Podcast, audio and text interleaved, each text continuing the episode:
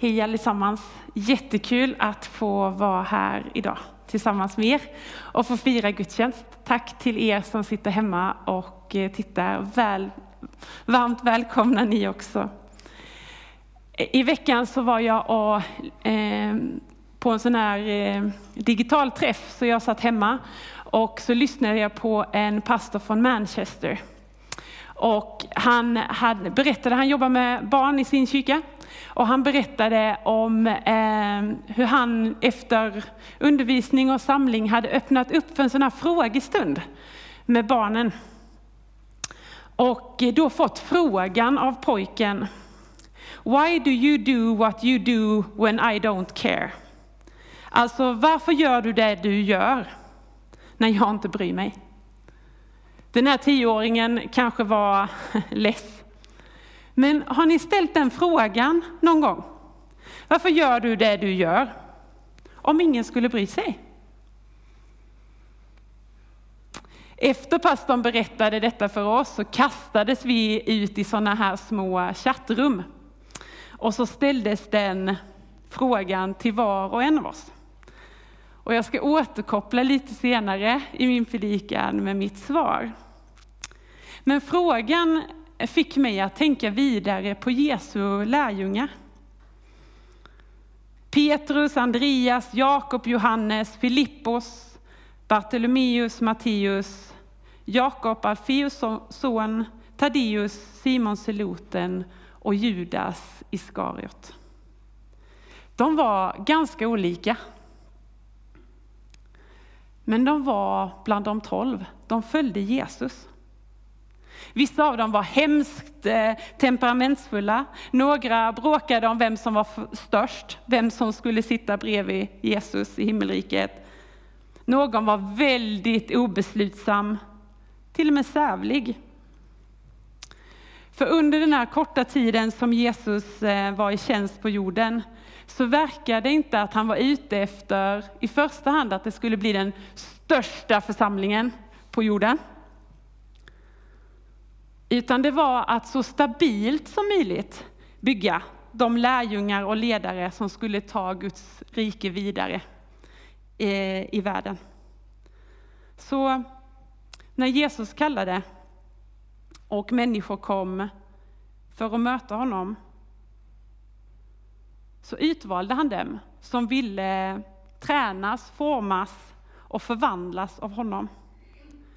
Och vi ska möta en man här i predikan idag som Jesus kallade först. Är det någon som vet vem Jesus kallade först? Vem som var den första lärjungen? Vad sa du? Levi? Andreas. Men innan vi går in på Andreas så tänkte jag att vi skulle tala lite om vad är en lärjunge? Hur beskriver Bibeln att lärjungen är? Vad, vad är det för något? Eh, just om man översätter det grekiska ordet för lärjunge så betyder det en som följer efter och som lär. Wikipedia säger en person som håller på att utbilda sig till något under en yrkesverksam mästare inom detta området. Lärlingen får hjälpa sin mentor och lära sig av denna.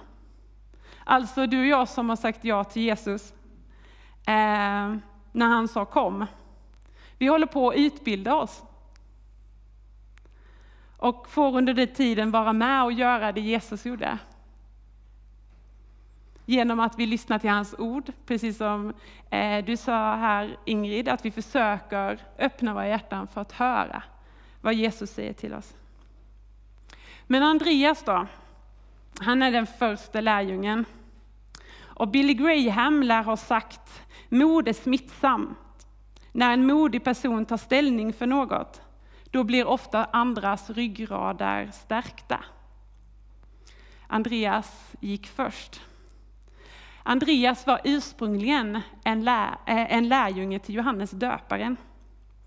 Och i Johannes 1 så, så står det så här, att Eh, när Johannes döparen möter Jesus vid Jordan och Johannes pekar på, på Jesus och säger se Guds lamm. är Andreas där och följer efter Jesus.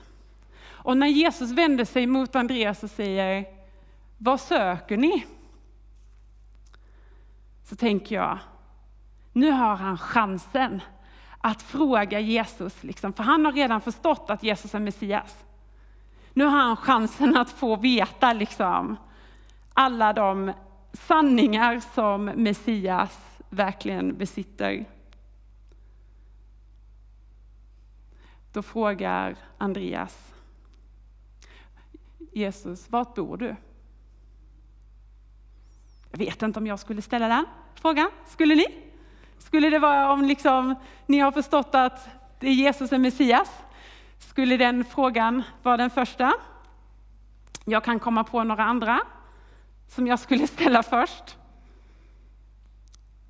Men det säger någonting om, om Jesus och Jesus bjuder hem Andreas och de är tillsammans resten av den dagen. Det är det som står i skriften. Vi vet inte vad de säger. Vi vet uh, utan att de är tillsammans under resten av den dagen.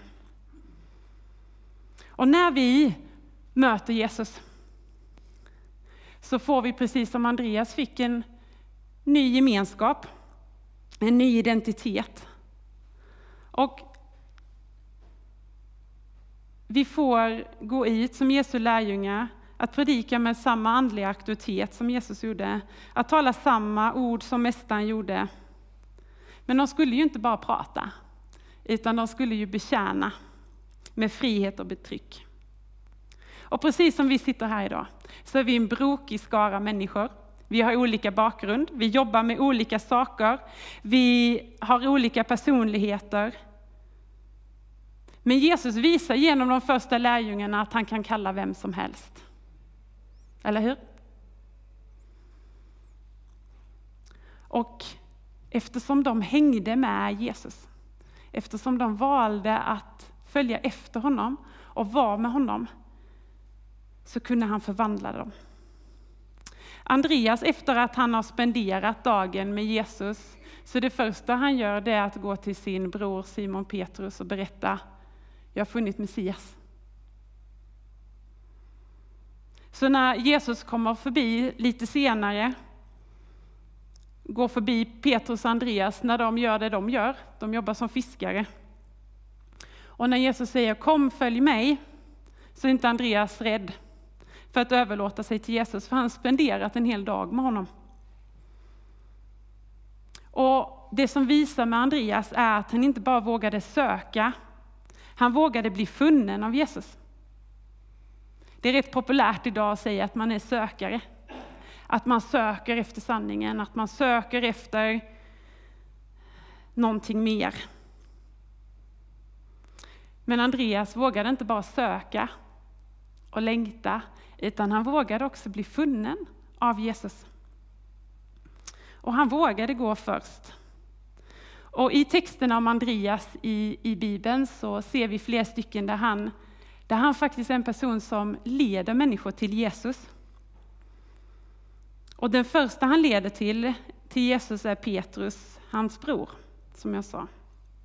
Men om vi läser Johannes 12,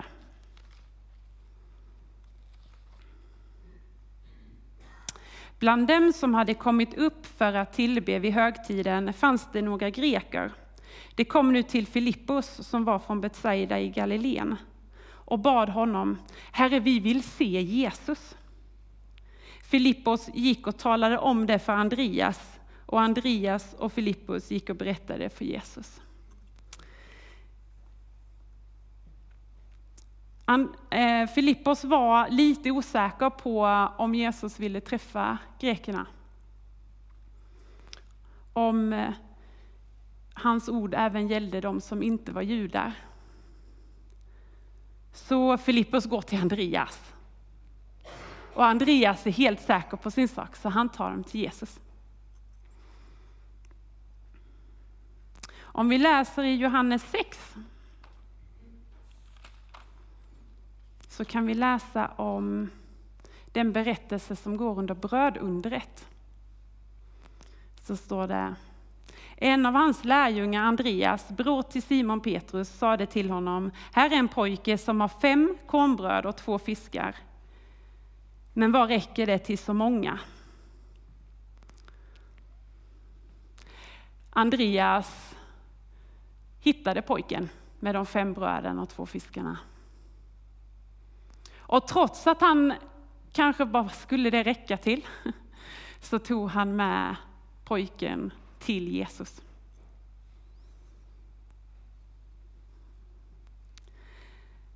Andreas hade ju inte en så stor tro på att det här miraklet skulle inträffa. Att maten skulle räcka till över 5000 och det skulle bli 12 korgar över. Nej, nej. Det visste han inte.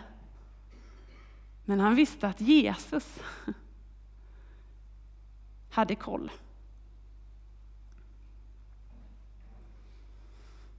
Andreas, han, det står skrivet i historieböcker som finns under den här tiden att han fortsatte predika under hela sitt liv och avslutade eh, och dog som martyr i Patra i Grekland.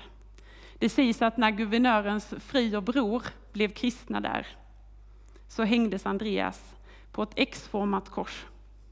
Och det än idag kallas Andreaskorset. Andreas han visar på stort mod och var den som vågar först gå. Han var en sökare som blev en efterföljare, precis som vi här. Jag älskar verkligen Andreas attityd. Ni vet att trots att han inte har alla svaren och lösningarna själv, så vet han att Jesus har det. För han vet vilka tankar Jesus har. Han har spenderat tid och låtit Jesus prägla honom. Och kanske är det så att det är det vi behöver höra här idag. Att det är Jesus som har svaren. Du och jag kanske inte har alla svar i frågor vi möter från människor. Eller tankar och frågor vi har själva. Men vi kan ta med dem till Jesus. Och det kan se ut på många olika sätt. Det kan vara att vi tar med dem till kyrkan på gudstjänst. Det kan vara att vi eh, tar med dem till eh, vår hemgrupp. Det kan vara till en ledare vi litar på. Eh, det kan vara till pastorn. Men vi tar med dem till en gemenskap som vi litar på, som vi, som vi vet har präglats av Jesu tankar.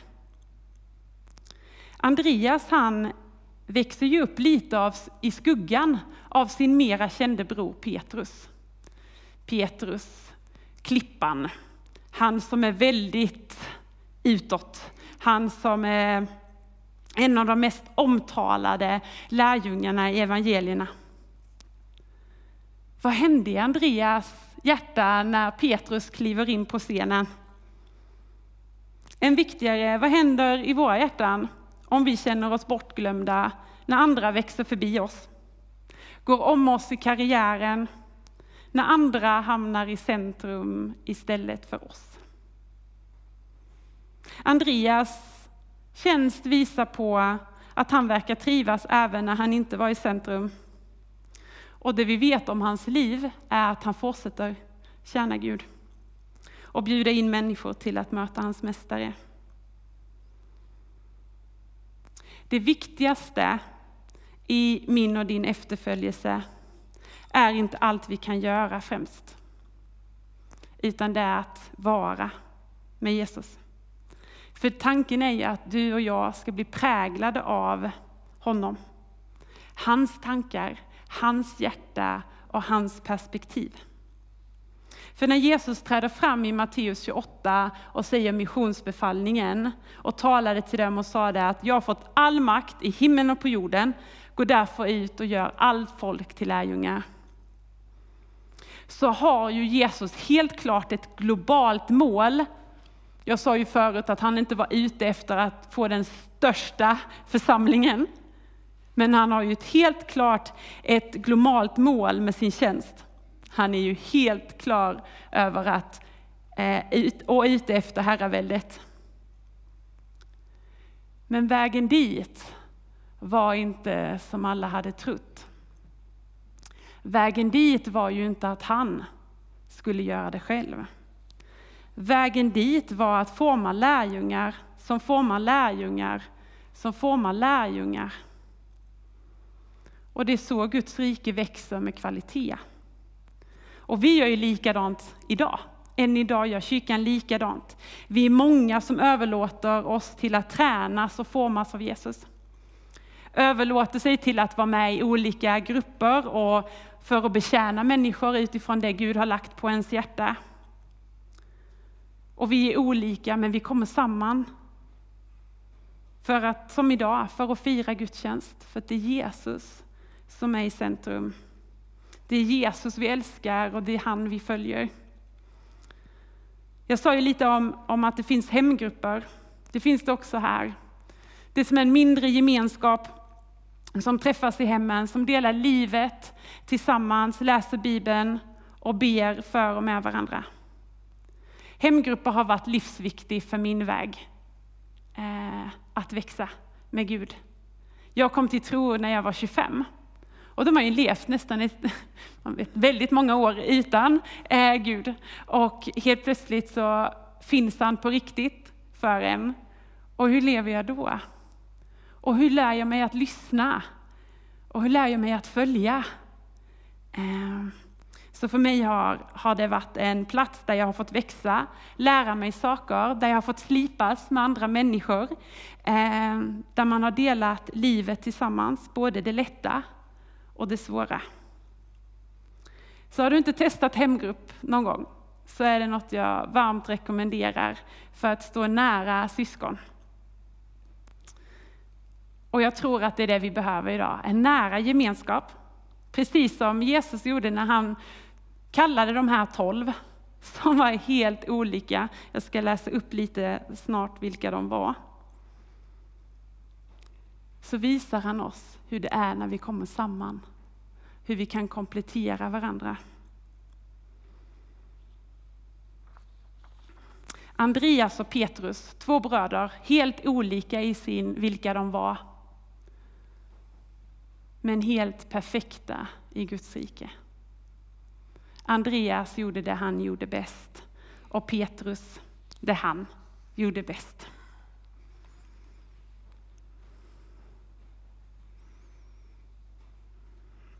Jag tänker om vi blundar en stund och så läser jag lite om vilka de andra lärjungarna var. Petrus, impulsiv, talbar och känslosam.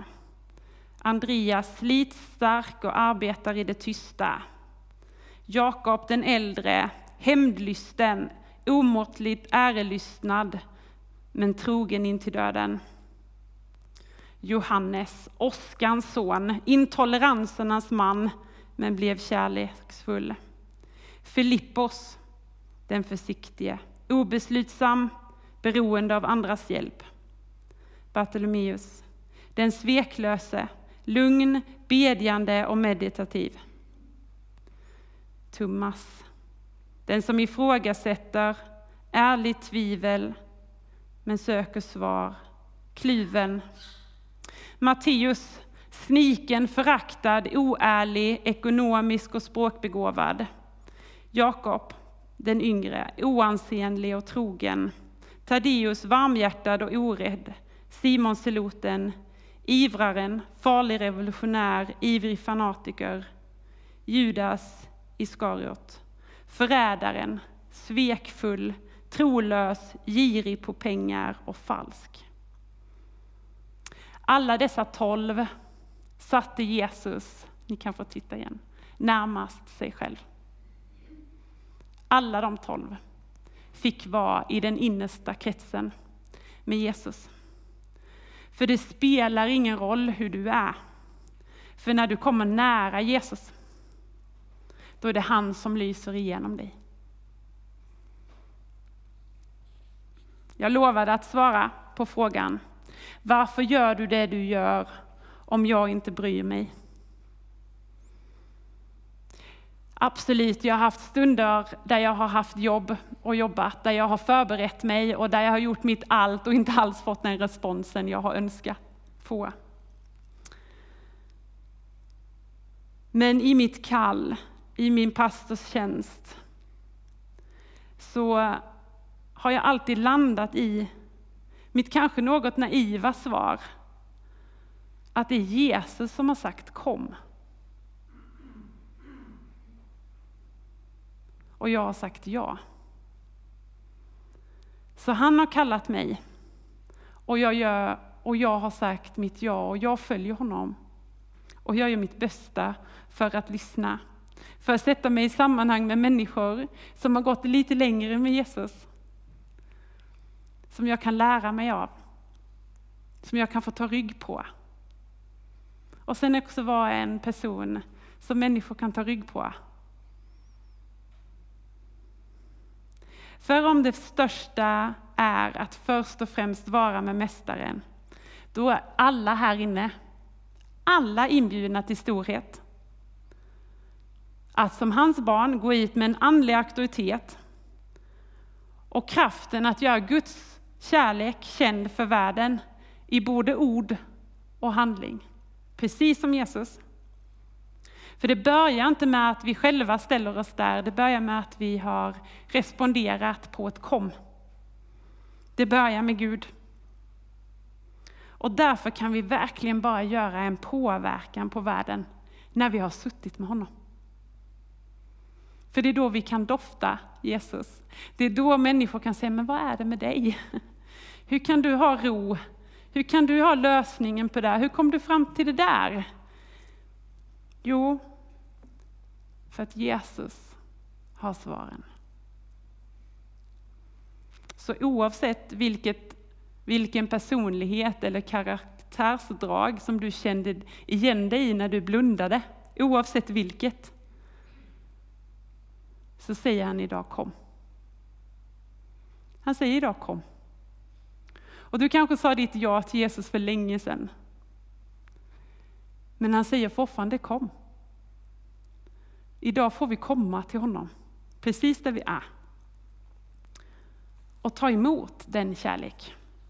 Och ta emot honom och låta dig bli funnen av honom idag. Oavsett om du har gått många år med, med Jesus, eller om du är här och tar dina stapplande steg, eller där hemma och lyssnar, så ska jag avsluta min predikan med att be. Och jag ber att vi håller fram händerna för er som vill vara med i bönen. Jesus, tack för att det är du som säger kom. Så kom Jesus. Kom heligande och fyll oss med ditt liv. Tack för att vi kan söka dig och att det är du som finner oss. Så Herre Jesus, den som behöver tilltal från dig idag, den som behöver känna sig buren av dig idag, den som behöver få ny kraft för en ny vecka. Herre, du ser de utsträckta händerna här inne och på webben. Du ser vad som ligger i dem, Gud. Kom och tala så vi hör.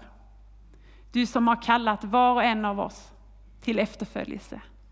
Du vet vad vi behöver, Gud.